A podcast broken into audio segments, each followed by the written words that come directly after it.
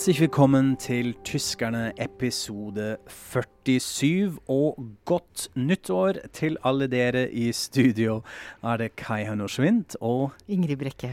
Og hjertelig velkommen også til nye lyttere. De kommer jo av og til. Eh, hjertelig velkommen skal dere være. Og Tyskerne, en podkast om politikk, kultur og alt det andre. Kult at dere er med. Sånn. I dag eh, tenkte vi at vi skal se litt fremover. Eh, altså med tanke på hvor ligger debattene, kontroversene, konfliktene i det tyske samfunnet og i tyske medier også. Eh, kanskje. Og da har vi funnet eh, to saker som vi mener ja, illustrerer dette ganske bra. Mm. Først skal vi til Bayern da skjedde noe Ingrid, som du var litt opptatt av. Hva var det da? Ja, nei, Det som skjedde var at eh, CSO, altså partiet i Bayern, det kristeligdemokratiske partiet, som jo også sitter i regjering i Berlin, og som er søsterpartiet til Merkels CDO, uh, de har nå en såkalt Klosotagung, som i hvert fall som er en slags form for uh, møte, hvor de kommer med litt sånn programerklæringer og sånn. Og så er jo da det er snart lokalvalg i Bayern. Og så hørte jeg da på Det Tag i går, som er eh, den daglige eh, nyhetspodkasten til Deutschlandfunk. Og de fortalte denne historien som jeg ble litt sånn revet med av, da. Og det var at CSO hadde jo da i en eh, liten eh, bygd i Bayern, som jeg akkurat nå har glemt hva heter, men som har sånn 3300 innbyggere. Oi, okay. Ligger langt oppe i Dalom. Så vi snakker om en åndelig dorf? Ja, en, bayerisch, en bayerisches dorf? Ja. Okay. ja. Og der eh, bor det da eh, disse folka som skal stille borge, borgermester Som skal ha valg. Og så eh, har de da klart å finne en eh, mann som er både næringslivsmann og fotballtrener. Og han er da eh, muslim eh, og har et tyrkisk navn. Og eh, så er det jo mange som tenker at å, dette, han er jo en perfekt kandidat eh, for oss. Og han er også gift med en eh, kristen dame, og som han selv har sagt, jeg går oftere i kirka med barna mine enn jeg går i moskeen. Så hvis man liksom skal ha en muslim, så kan man jo knapt finne noen mildere, da. Men han sa også det at han vil ikke stille som kandidat hvis dette er kontroversielt. Altså hvis religionen hans er kontroversiell, for det orker han ikke, og det tror han er skadelig for landsbyen. Og da viser det seg at ja, ganske riktig. Eh, I partiet var det da så mange som ikke ville ha han med den begrunnelsen at han var muslim, at han endte med å ikke stille. Wow. Okay. Og dette er, er, jo et lite sånn lokaldrama, men det er også en slags sånn Det er veldig viktig fordi at f.eks. For Markus Søder, som er leder i CSO, han har jo beklaga dette veldig. Fordi det er ingen eh, kjente muslimer eller, eller, eller kandidater eller politikere noe sted i CSO som er muslimer. Og det er jo veldig krøkkete for et stort folkeparti eh, i en delstat hvor det jo tross alt bor veldig mange minoriteter. Mm. Det, de er jo en økonomisk suksess, og mange har kommet dit eh, yeah. selvfølgelig for å jobbe. og det er vel eh, så vidt jeg husker nå, så er det flere eh, prosentvis eh, i innvandrere i München enn i Berlin. Mm -hmm. ja. eh, så det at CSO ikke klarer å bryte ut av denne mono, monotone fremtoningen, da, eller ja, det begynner å bli et uh, problem for dem. Ja, spesielt fordi de må jo nå forandre seg hvis de vil vinne flere valg. Uh, og spesielt når man har også kanskje skjønt uh, denne dogmaen som man hadde i CSU. Jeg tror det er basert på et sånn utsagn av Frans Josef Strauss, altså den store, gamle faren til CSU. Det skal ikke finnes et annet parti til høyre fra CSU. Vi skal være på høyre randen. Uh, og det vet vi jo nå at det fins, nemlig AFD, og det er også CSU kjent. Så de må jo også på en måte orientere seg litt mot midten. De må bli litt mer spiselige også for borgerlig venstreorienterte folk. Så dette er jo ganske katastrofalt, Det ja, fordi det er, det, det er, jo det, som jeg tror har skjedd litt. At, at eh, CSO hadde en periode eh, under flyktningkrisa, kanskje rett etterpå, hvor de prøvde å konkurrere med AFD. Hvor man tenkte sånn mm. at, at, vi kan enda klare å vinne over AFD på deres banehalvdel. Ja. Og så ga man opp det. Ja, og det, har, det, ser man jo også i Horst Seehofer, altså i personen hans, som er fortsatt innenriksminister, uh, som hadde jo en ganske, en ganske beinhard uh, retorikk uh, innen de fl flyktningkrisene. Han gikk til konfrontasjon med Merkel rundt dette. Han hadde noen sånne usmakelige utsagn som vi også har snakket om her i podkasten, på en pressekonferanse hvor han sa ja, i dag ble jeg 69 år gammel, og som gave fikk jeg 69 asylsøkere som ble avvist ved grensen, ha-ha-ha. Eh, så han var jo der. Men i det siste så har han blitt ganske mild uh, i flyktningspørsmålet, men også uh, lest flere intervjuer nå hvor han sa vi må prioritere uh, høyreekstremisme mye mer. Vi må gå mot dette mye mer aktiv. Og det har han jo også vært litt i fornektelse av en stund. Så vi ser jo her de prøver. Her skjer det noe. Hvorfor tror du Altså er det litt basert også på det som skjer i Østerrike nå, kanskje? Hvor man har jo en uh, konservativ og grønn regjering. Ja, for det, det, kan man jo også se i Bayern, at uh, de har jo også prøvd å forgrønne seg en del CSO. fordi at de grønne er jo store og, og gamle i, i Bayern. De har vært konkurrenter i mange år. Sånn at det er både denne prøve å være litt mer inkluderende og prøve å være litt uh, grønnere, da. Og ja, jeg, jeg, tror jo absolutt at de, de skjeler til Østerrike og denne nye, veldig interessante regjeringa som er med de konservative og de grønne der. Eh, som jo man kan tenke seg er en slags sånn frempek. Eh, ikke bare for Østerrike, men også litt sånn for Tyskland og hva som skjer eh, kanskje generelt i Europa, da.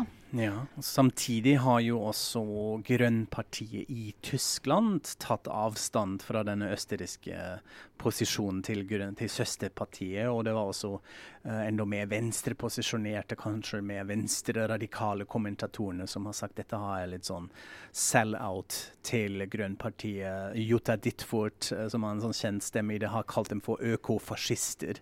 Nå viser Grønnpartiet sitt sanne ansikt. De er økofascister. Uh, ja, man har litt sånn alibi-klimapolitikk med inn i koalisjonskontraktene, men samtidig må de spise asylpolitikken til de langt høyere konservative. Så det blir jo spennende å se hvordan det går. Ja, det blir veldig interessant, altså. Men, men, så er jeg jo ikke Så tenker jeg at forskjellene mellom Østerrike og Tyskland er jo ganske um, store. Altså både på holdningene i befolkninga, men også på hvor disse partiene er plassert. da. Mm -hmm, mm -hmm. At F.eks. så er jo uh, dette konservative partiet, altså partiet til Sebastian Kurz, de er jo uh, De er kanskje litt ganske like CSO, men de er jo mer konservative enn ja. CDO, f.eks. Uh, de grønne i Østerrike kjenner jeg ikke så godt, men de har i hvert fall da vært villige til å bare ikke ha noen innflytelse på asyl- og innvandringspolitikken. Overlate alt det til Kurz, som jo har adoptert politikken til FPØ, altså høyrepopulistene, som jo ble, eh, måtte gå fra regjeringa i, i, vår. Så det har jo vært en sånn klar høyredreining. Men samtidig så tenker jeg at det, som gjør dette så eh, Det er jo noe med at to store tema i, i folket ligger der og, og, bobler. Og det ene er interessen for det som man på tysk ofte kaller indre sikkerhet. Altså innvandringspolitikk og grenser, og at det skal være Vi skal føle oss trygge, og vi skal vite hvem som kommer og sånn. Og det andre er jo klimasaken og miljøet. Og klarer man å liksom kombinere disse to sakene, eh, da, da, har man gjort det godt. Og da blir det også litt De grønnes dilemma. At eh, hvis de kjører på at verden holder på å gå under, så er det kanskje ikke så farlig om man må stenge noen grenser underveis, da, for å si det veldig brutalt. det skal vi oppleve snart, hvordan dette kommer til å påvirke de tyske grønne. Men uansett blir det spennende å se hvordan denne forandringen av CSU kommer til å fortsette. Jeg syns dette er kanskje noe av det mest spennende. At de plutselig ble ja, ganske åpne og tolerante, i hvert fall der i toppetasjen. Så får vi se hvordan det fortsetter i disse små lands, landsbyene. Ja, så dette var den ene saken som kanskje illustrerer litt på det politiske spektrumet hvordan 2020 kan se ut. Uh, og så har vi funnet en annen sak som kanskje går litt mer uh, i, i ja, Si noe om mediesamfunnet og uh, en del andre diskusjoner som begynte egentlig, trodde jeg i hvert fall, som en slags utrolig teit tullesak rett før året var over. At man plutselig begynte om en klipp, en satirisk klipp som gikk på TV, eller som var i, i mediatekene hos VDR, som er altså den, uh, av de største regionale kringkasterne som vi har i Tyskland. Vi har jo dette federale kringkastingssystem, hvor altså nesten hvert bondesland har sin egen kringkaster, da under ARD-paraplyen. Og VDR er den største, sitter i Köln. Uh, og uh, altså da Nordrhein-Westfalen som, som coverer dette. Så det er ganske mange mennesker som så på dette. Uh, og hva så de på? Jo, en, et barnekor som sang en parodi tekst til en veldig kjent uh, barnelåt som heter 'Meine Oma fährt im Hühnerstall Motorrad'. Skal jeg synge den uh, første, ja, første linjen? Synge. 'Meine Oma fährt im Hühnerstall Motorrad, Motorrad, Motorrad'. 'Meine Oma fährt im Hühnerstall Motorrad'. 'Meine Oma ist eine ganz patente Frau'. Sånn. Og denne siste ah. linjen blir da omdiktet, og mange andre òg til 'Meine Oma ist eine alte Umweltsau'. Hvordan oversetter man det? Min uh, Min bestemor er et gammelt uh, miljøsvin. Ja, riktig. Og hele denne låten var altså i denne tullete ånd at her er det en gammel dame, en oma, en bestemor som ikke har noe som helst peiling om miljø, og bare gjør sånne miljøgriseri. Hun forsøpler alt og kjører SUV og alt det der. Og tar krus, drar på cruise og steker seg en billig kotelett hver dag. Ja, riktig. Da har vi alle tikka alle bokser. Ja. Så åpenbart var dette satirisk ment, men så begynte det å bråke løs. Først og fremst i sosiale mediene. Folk reagerte på dette, syntes det var smakløst, og at man fornærmer den eldre generasjonen osv. Og, og så ble det tatt opp av AFD, blant annet. Også en del andre høyreekstremistiske organisasjoner som sa nå holder dette her, så typisk se på de etablerte mediene her som kjører gjennom sin agenda. Nå skal de snakke uh, dårlig om våre bestemødrene. Og så begynte bråket å eskalere litt. Og så kom altså intendanten, sjefen, kringkastingssjefen til VDR på banen, Tom Boro, uh, som også var korrespondent i USA lenge, en veldig sånn kjent journalist, uh, og ba om unnskyldning.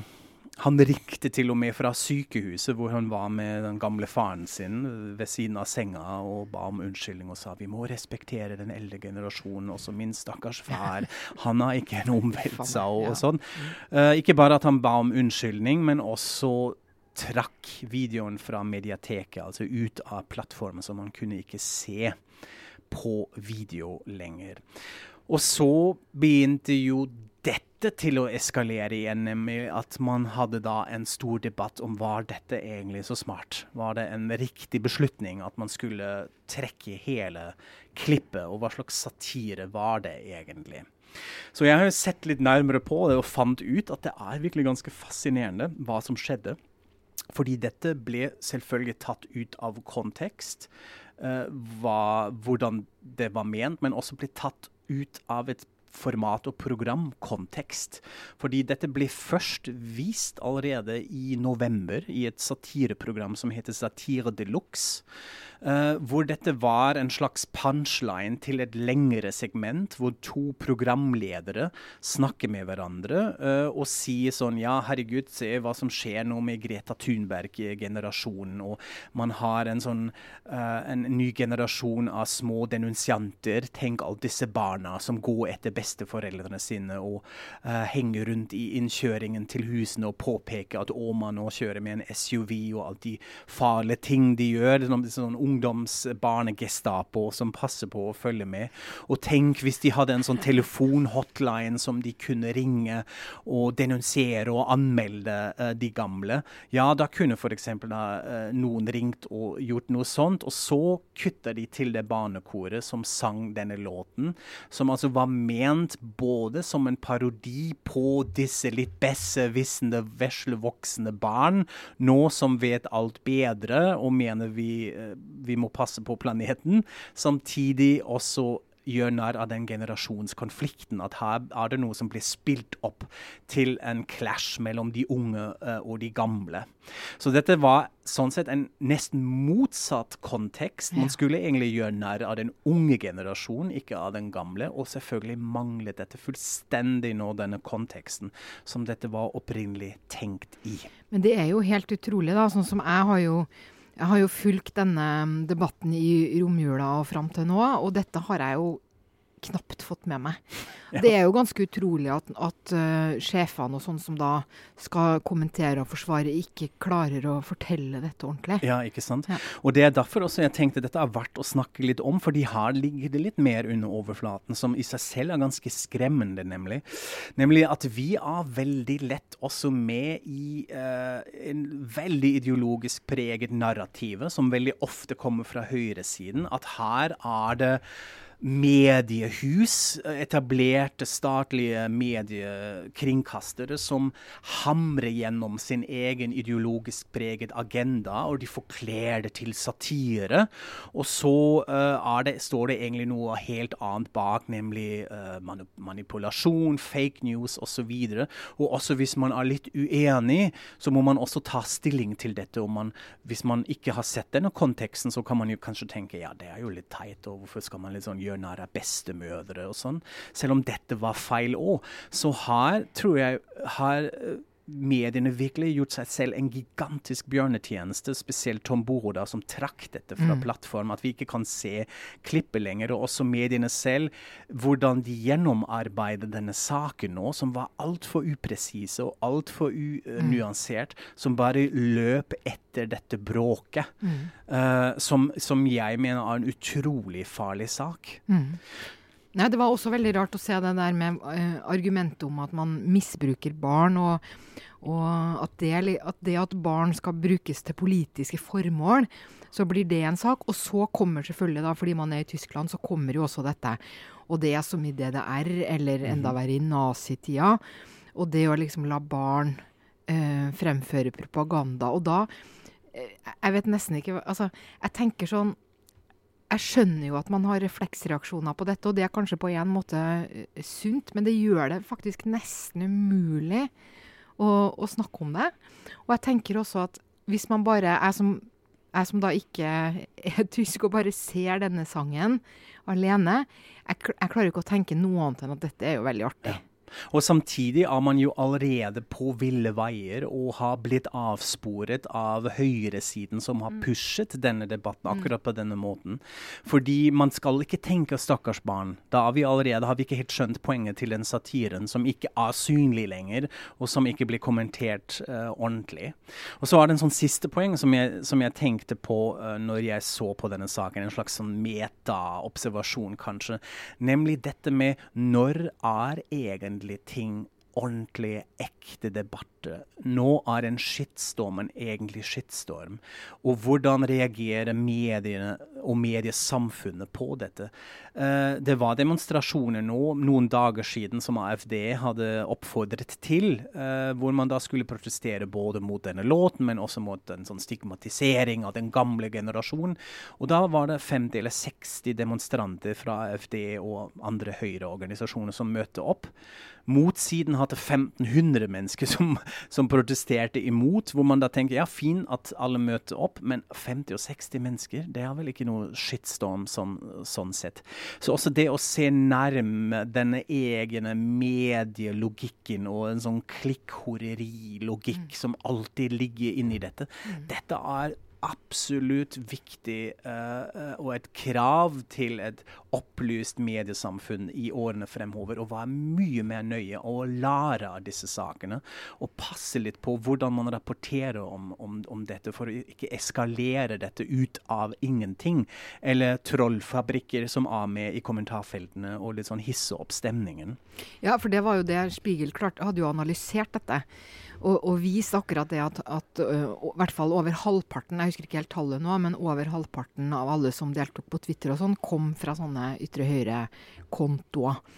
Eh, sånn at det er en sånn storm som blir, eh, kommer derfra, og, og delvis eh, leda derfra. Da. Men jeg tenkte sånn, altså som journalist så tenkte jeg bare at eh, dette må vi bare Litt sånn som du sa, ikke sant? dette må vi bare lære oss å tåle. Og ikke minst må vi klare å ha sjefer som, som kan stå i det. Og han ga seg jo etter var det fire dager, eller noe sånt. Ja, ja. Og det er litt sånn, mm. Man må faktisk la tida gå litt, nettopp så man får vurdert hva det er. Og så må man ikke velge det som virker som en lett vei ut, for det er virkelig ikke en lett Nei. vei ut. Det er en, det er en skummel vei ut. da. Ja, og det truer ytringsfriheten, rett og slett. Og dette blir det nok Mm. mer av. eh, og, der, og derfor vi valgte dette, denne frem, fremoverskuende tingen. Men jeg Mhm. syns også dette med generasjonskonflikter, Ja. det kommer mer og mer. Og dette er tenk, For meg viste det også hvor betente de er i Tyskland mye mer enn i Norge, da. Sikkert av mange grunner. altså Litt fordi at, at eh, den er mer snakka om. Altså Man har mange flere eldre. Man er mye mer bekymra for demografien sin. Man vet at disse yngste, mest liberale er så veldig få i forhold til resten. Og så kommer disse det her med generasjonsregnskap og hva blir overlevert til oss. sånn, Det har man faktisk snakka mye lenger. Og da tror jeg også det blir vondere når det føles som om det pirkes i det. Ja, absolutt. Helt enig. Og det er lettere å polarisere rundt der. At, man, at det er lettere å hisse opp eh, stemningen, kanskje sammenlignet her i Norge, hvor folk tenker kanskje ja, ja, men det er så farlig. Men også kanskje litt Nesten litt sånn det mot, m- motsiende i dette, at man også fortsatt er ikke vant til å se så mange unge mennesker, f.eks. For i forbundsdagen. Hva er en politiker i Tyskland? Ja, en mann mellom 50 og 70. Eh, og man reagerer litt på en uh, ung kvinne som holder tale i forbundsdagen fortsatt uh, til i dag. Altså, vi, har jo også behov for et slags generasjonsskifte, mener jeg, eh, om å la de unge slippe inn. Så akkurat hvordan en satire svarer på dette, reagerer, hva er det som satiren har lyst til å påpeke her, gjør det også da kanskje enda mer vanskelig i et sånn allerede litt opphisset klima. Så det er jo bra, vi må jo fortsette med det. Det, det er den beste satiren gjør. Uh, at den påpeker nettopp sånne ting, men da må det være mulig å se det i sin helhet. Og da må også kringkasterne selv forsvare dette, og ikke være så hyklersk, mener jeg. I hvert fall. Men nå må vi snakke litt om ord uh, i vår ordspalte, og da tror jeg du har med noe som er relatert til nettopp Ja. denne omveltsaken, ikke Ja, sant? er veldig relatert. Bra. Fordi det som skjedde, var jo at uh, når jeg skulle skrive om denne omvelt-sau-saken da, i- på min egen Facebook-side jeg, jeg delte det for øvrig også på tyskernes side, så alle kan lese det der hvis de er interessert. Eh, så var det sånn Hvordan skal jeg oversette omvelt-sau? Og så tenkte jeg at eh, det betyr jo miljøpurke. Men det sier man jo ikke på norsk, det høres jo kjemperart ut. Altså En sau er jo da en hunngris i i Ja. utgangspunktet. Og så tenkte jeg at eh, eh, miljøsvin, det syns jeg hørtes liksom så mye hardere ut. Så da endte jeg på miljøgris. Mhm. Mens dagen etter så tenkte jeg mer at eh, nei, det hørtes jo Det må jo være miljøsvin. Og så brukte jeg det når jeg skrev om det i avisa. Men nå sitter jo du her, Kai, som eh, kan dette. Hvordan, ville du oversette det? Nei, jeg er jo helt enig i at det å lande på miljøsvin eh, passer best i en norsk kontekst når man skal ta med det alvoret av det som en slags fornærmelse. Eh, fordi det er eh, Altså, det er jo en fornærmelse å kalle noen en svin, eh, og det funker litt mer enn å bruke litt sånn det biologiske purke, eller hva det er. Også fordi sau på tysk er ikke nødvendigvis Altså, det er jo en, en, en hunngris, ja, men som banneord, eller skjellsord, så kan det også brukes kjønnsnøytral. Du kan kalle en mann for du dumme sau, eller sånt. Det er noe som blir brukt i fotballkonteksten, eller som man fornærmer uh, um, refereen. Eh, dommer. dommer- ja, takk for det. Litt engelsk Litt engelsk kom eh, inn her òg. så altså, dette, dette har en litt annen kontekst, og den direkte oversettelsen det syns jeg funker veldig bra. Som Men er det sterkere? Altså Er sau eller svein, hva er det som er sterkest, da? Jeg mener at sau er sterkest, fordi det har konnotasjoner selvfølgelig fra andre verdenskrig også, hvor dette blir brukt i ulike kontekster, kanskje mer enn svein. Jeg føler at svein er kanskje litt mildere når du kaller noen en sau. Jeg vet ikke om dette er religionsavhengig, det kan vi jo gjerne spørre våre lyttere hva dere tenker om dette. Uh, men min, etter min oppfatning er det omveltsau litt hardere enn omveltsvein. Så jeg uh, Men i en norsk vri, eller med en norsk blikk, så mener jeg at miljøsvin uh, passer best. Og så har man en kanskje nesten lignende kontekst når vi tenker f.eks. Uh, på jødesvinsketsjen som man hadde her i Norge, som har skapt en lignende debatt nesten, fordi den ble trukket også uh, som omveltelse av sketsjen. At man har rett og slett en, en, en, kontekst som er relatert til andre verdenskrig. Så jeg syns det gir, gir mening. Mm. Men ja, vanskelig. Send oss gjerne en feedback uh, om det. Har vi noe hyggelig, litt mer hyggelig også? Ja. Syns vi det blir litt mørkt her. Ja, nei da, men uh, ikke, en, uh, ikke, en, sending uten litt liten tur innom krigen. Ja, det må vi gjøre. Men ja, jeg har med meg et, et uttrykk som også er med Sau, da, som jeg er veldig glad i. Og det er nemlig de eierlegende volmilchsau. Mm -hmm. som altså da betyr den eggleggende ullmelkegrisen. altså grisen som du kan få både ull og melk og egg av. Ja. Og den første gangen jeg brukte det, dette ordet, så trodde jeg det var eierlegende follmilksau. altså en gris som ga helmelk, for det er jo også ganske fint. Å, det er herlig. Veldig fint. Så tanke at man har også en lettmelkgris. ja. Veldig fint, ja.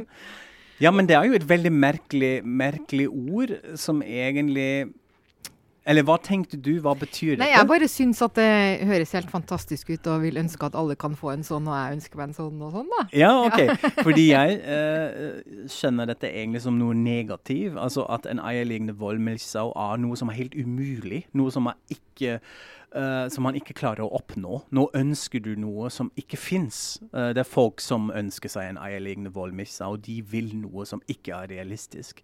Som ikke gir mening, kanskje også. Så det fins kanskje to, to, sider til det. Men det er jo litt artig å tenke seg hvordan skal det se ut? Ja, det synes jeg. en gris som har i ull og legger egg og sånn. Kjempefint. Mm. Veldig bra. Ja, skal vi runde av? Ja. Uh, da er vi tilbake i 2020. Veldig vanskelig for noen med tysk aksent å si dette. Oh, ja. Det er jo 2020. Jeg føler at det er ikke helt Jeg syns det høres kjempefint ut. Ja, bra. Ja. Takk. OK. Så uh, følg oss på Facebook, uh, på alle plattformer. Lik og del. Vi hører gjerne fra dere. Og så er vi straks tilbake og sier auf Wiederhören. Auf Wiederhøen.